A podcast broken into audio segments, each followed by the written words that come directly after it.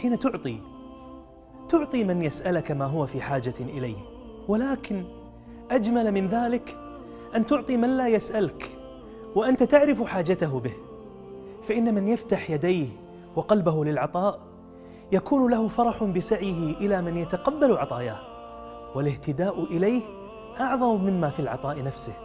للعطاء فرحة لا يعرفها إلا المعطاء. أعطاك فابذل من عطيته. فالمال عارية والعمر رحال. المال كالماء إن تحبس سواقيه يأسا وإن يجري يعذب منه سلسال.